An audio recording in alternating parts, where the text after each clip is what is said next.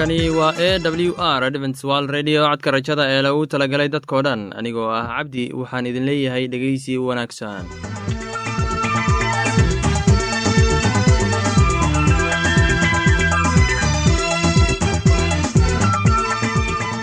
Barnaamijyadeena maanta waa laba qaybood. Qaybta koowaad waxaad ku maqli doontaan barnaamijka caafimaadka kadib waxaa inoo raaci doonaa cashar inaga imid bugga nolosha barnaamijyadeena maanta si wanaagsan u dhegeysan doontaan haddii aad qabto wax su'aal ama tala. Iyo tusaale fadlan inala soo xiriir dib ayaynu kaga sheegi doonaa ciwaankayagu balse intaynan u guudagelin barnaamijyadeena xiisaa leh waxaad marka hore ku soo dhowaataan. Heestan daabacsan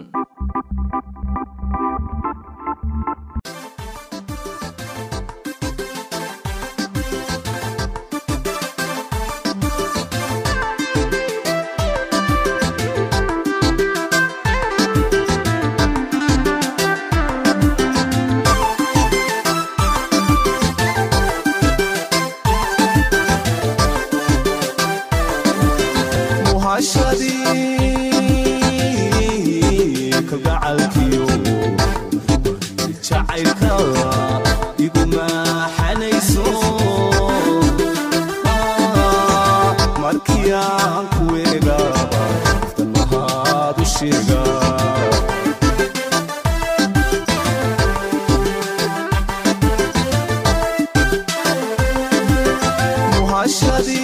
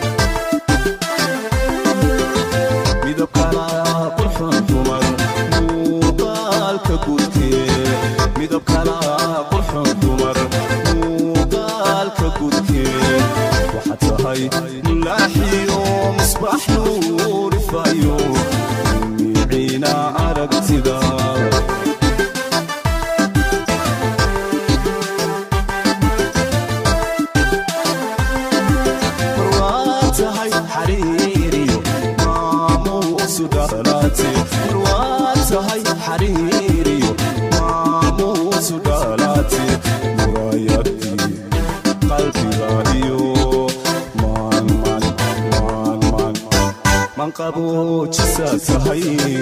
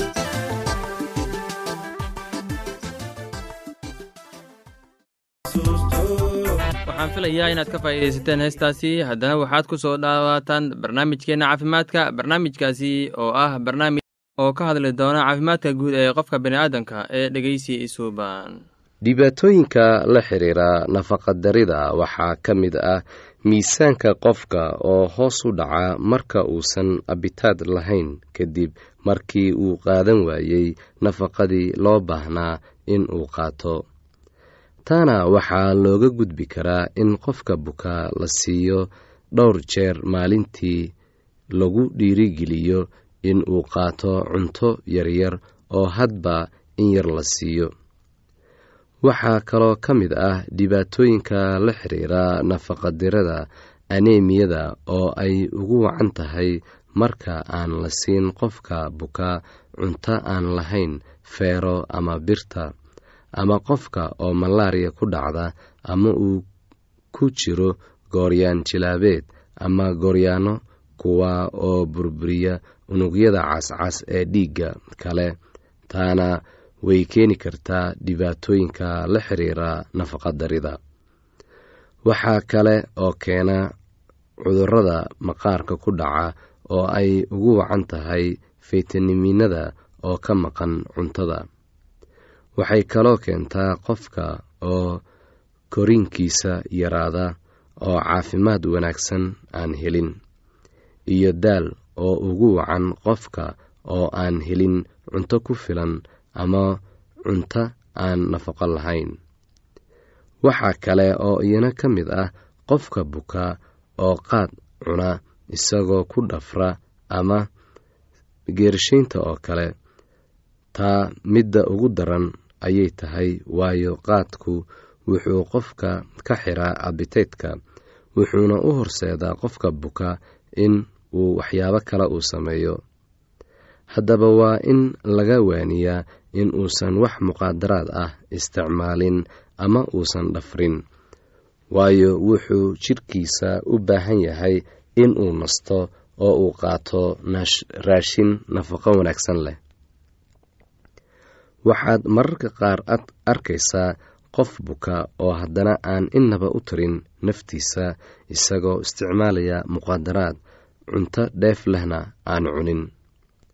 Qofka qaba h i v aidiska waxaa laga yaabaa in ay dhibayso cunto cunidda ama uu u baahan yahay in la siiyo cunto kala duwan oo uu ka heli karo nafaqooyin haddii qofka bukaa uu shubmayo si cunto jilicsan cunto la tumay oo aan u baahnayn calalis si uu si fudud ugu luqo waa in aad siisaa maalintii shan jeer cunto yaryar oo marba in la siiyaa sidoo kale waa in la siiyaa qofka bukaa cabitaan fara badan si uu jidhkiisa u helo dheecaankii ka baxay siba marka uu aad u shubmayo sida juuska oo kale.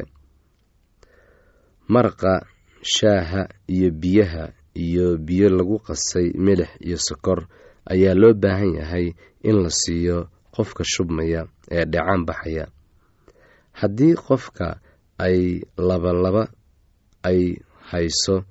Haddii raalli naga ahaada waxaan ka wadnaa haddii qofka ay uu labalaboonayo waa in aad siisaa in yar oo cabitaan ah ama maraq ah adigoo hadba ka basiinaya.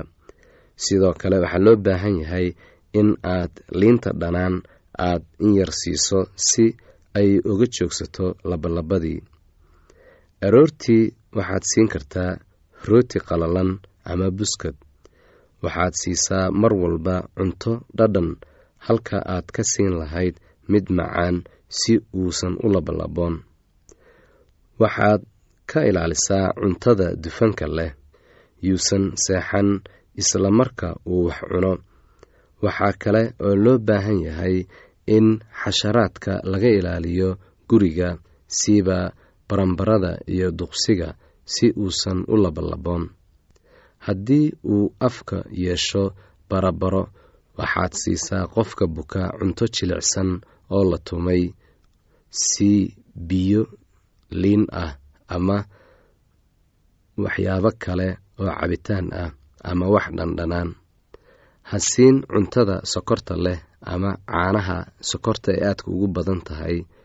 Haddii uu afka xanuun yeesho ha siin qofka bukaa waxyaabaha kulul sida bisbaaska ama shaaha kulul kana ilaali cuntada adag ee u baahan in aad loo calaaliyo. Ka ilaali cuntada aadka u kulul laakiin ku fiiri inuu cuni karo cunto qabow in afka uu dareenka uu ka tago iyo in kale. Ka taxadir ilkaha iyo afkaba.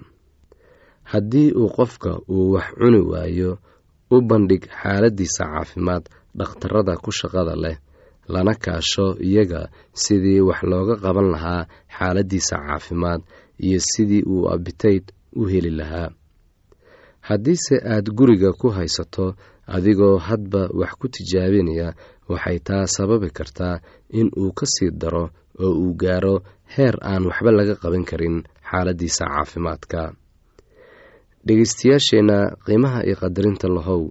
Waxaanu maanta intaa inoogu eeg barnaamijkii caafimaadka oo aan kaga hadlaynay nafaqaynta dadka qaba h i v iyo aidiska tan iyo kulintideenna dambe sidaa iyo nabadgelyo waxaan filayaa inaad ka faa'iidaysateen barnaamijkaasi. Haddaba haddii aad qabto wax su'aal ama talo iyo tusaale fadlan inala soo xiriir. Ciwaanka yagu waa codka rajada sanduuqa boosada afar laba laba todoba lix nairobi kenya. Mar labaad ciwaanka yagu waa codka rajada sanduuqa boosada afar laba laba todoba lix nairobi kenya. Imeilka yagu waa somali at a w r o r g mar labaad imeilka yagu waa somali at a w r o r g ama haddii aad inala soo xiriiri rabtaan barta emesonka ciwaanka yagu oo ah codka rajada at hotmail dot com. Mar labaad codka rajada at hotmail dot com. Ama barta internetka hoyga oo ah w w w dot codka rajada dot o r g waxaad ka akhrisan kartaan falasha meesha ku jiraan iyo wixii kaloo barnaamij oo aad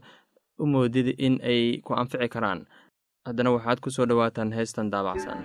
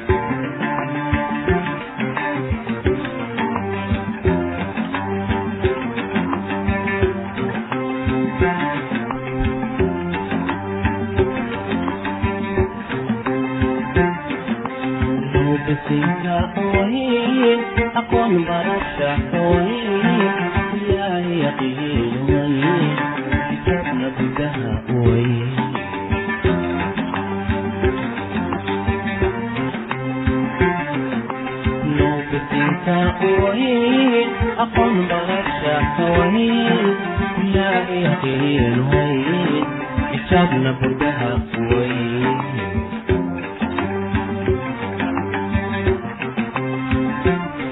نقصيد برضاتها شحين قبيل ريبا تايقو بحيين تايقو بحيين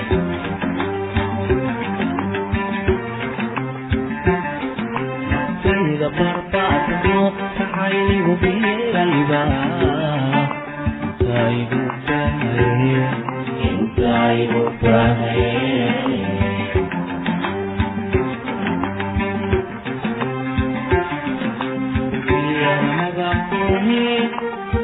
buholyokuway cashaku beenbeenka wayn ukaad xaalkaniikawayn beerkayadakuwayn wayn beerkayadaa kuwayn beerkayadaa kuwayn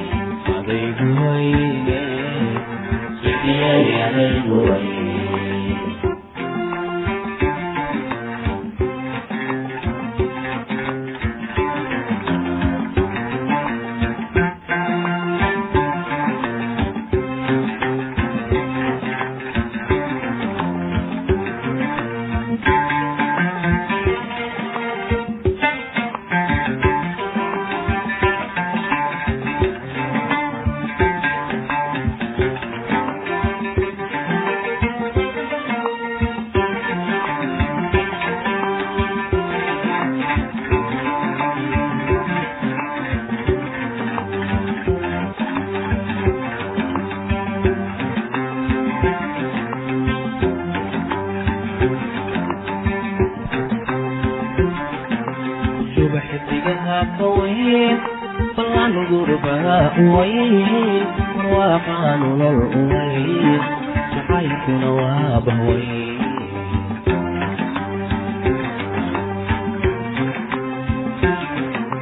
subax xidigaha ka wayn ballan gurbaha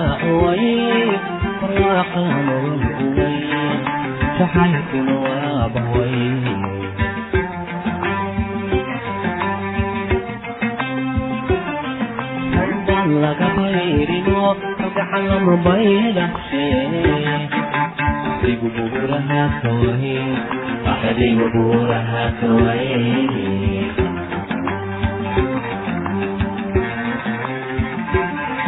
unban laga bayrino magacan lama baydhaqshe adigu buuraha kaway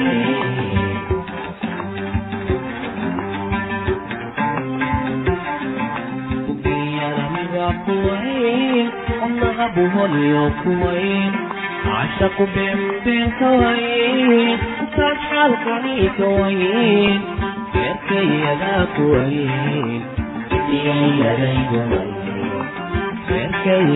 kuwayn beerkayadaa kuwayn adigu wayne sadiyayadaygu wayn adigu wayne sadiyayadaygu wayn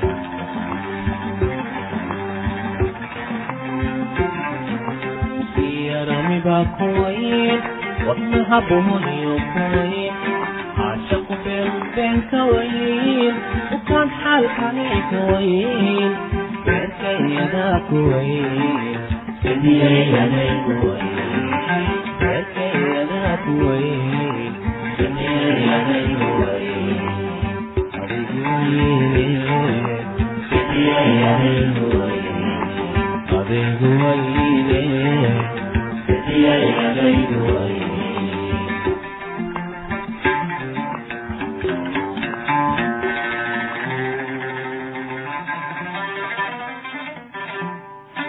waxaan filayaa inaad ka faa'iidaysateen heestaasi haddana waxaad ku soo dhowaataan barnaamijkeenna kitaabka quduuska. Barnaamijkaasi waa barnaamij ee ku saabsan ereyada xikmada badan oo aan ka soo xulannay kitaabka quduuska ee dhegeysi wanaagsan. Walaalayaal maantana waxaynu ka hadli doonnaa qisadii nebi nuux. Waxayna noqotay markii ay bilaabatay in dadku ku bataan dhulka oo ay gabdho u dhashaan in wiilashii ilaah arkeen gabdhihii dadku inay wanaagsan yihiin oo ay guursadeen in alla intay doorteen oo dhan rabbiguna wuxuu yidhi ruuxayga lama sii dagaalami doono dadka weligiis.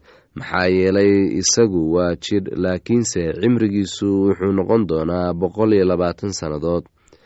Waagaas waxaa dhulka joogay dad waaweyn oo xoog badan. Taas kadibna kolkii wiilashii ilaah u yimaadeen gabdhihii dadka oo ay carruur u dhaleen isla kuwaas waxay ahaayeen nimankii xoogga badnaa oo waagii hore ahaa raggii caanka ahaa. Rabbiguna wuxuu arkay in dadku sharkiisu ku badan yahay dhulka iyo in male kasta oo fikirada qalbigiisu ay shar keliya yihiin had iyo goorba. Rabbiguna wuxuu ka qoomameeyey samayntii uu dadka ku sameeyey dhulka wuuna calool xumaaday. Oo rabbiga wuxuu yidhi waxaana dhulka ka baabi'in doonaa dadka aan abuuray dadka iyo weliba dugaagga iyo waxa gurguurta iyo hadda hawada. Maxaa yeelay waan ka qoomamooday samayntii aan sameeyey iyaga. Laakiin rabbigu nuux raalli buu ka ahaa kuwanu waa farcankii nuux. Nuux wuxuu ahaa nin xaq ah oo ku eed la farcankiisii nuuxna ilaah buu la socon jiray oo nuux wuxuu dhalay saddex wiil oo ahaa sheem iyo xam iyo yaafed dhulkuna wuu qaribnaa ilaah hortiisa. Dhulkana dulmi baa ka buuxsamay ilaahna wuxuu arkay dhulka oo bal eeg wuu qaribnaa waayo intii jir lahayd oo dhammo jidkooday ku qaribeen dhulka.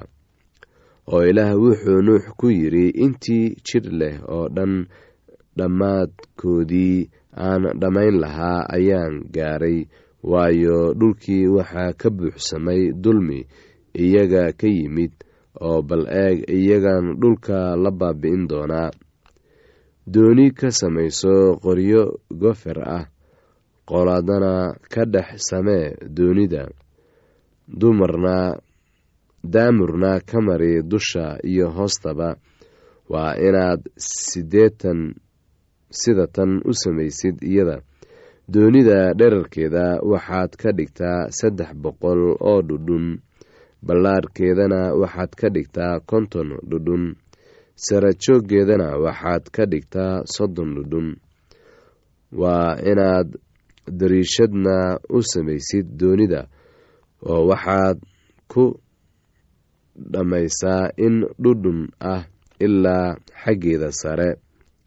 Albaabka doonidana dhinaca ka samee dabaqad hoose iyo tu labaad iyo tu saddexaadna u samee iyada oo bal eeg anigu daad biyo ah baan ku soo dayn dhulka inaan baabi'iyo inta jidhka leh oo dhan oo neefta nolosha ku jirto.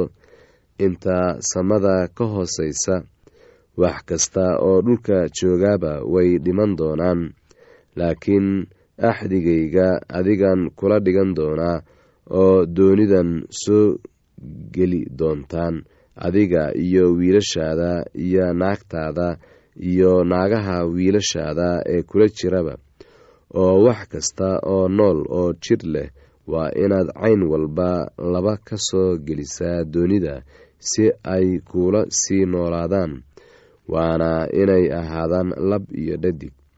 Hadda caynkooda iyo xoolaha caynkooda iyo wax kasta oo dhulka gurguurta caynkooda cayn walba laba ka mid ahi ha kuu soo galeen si ay u sii noolaadaan.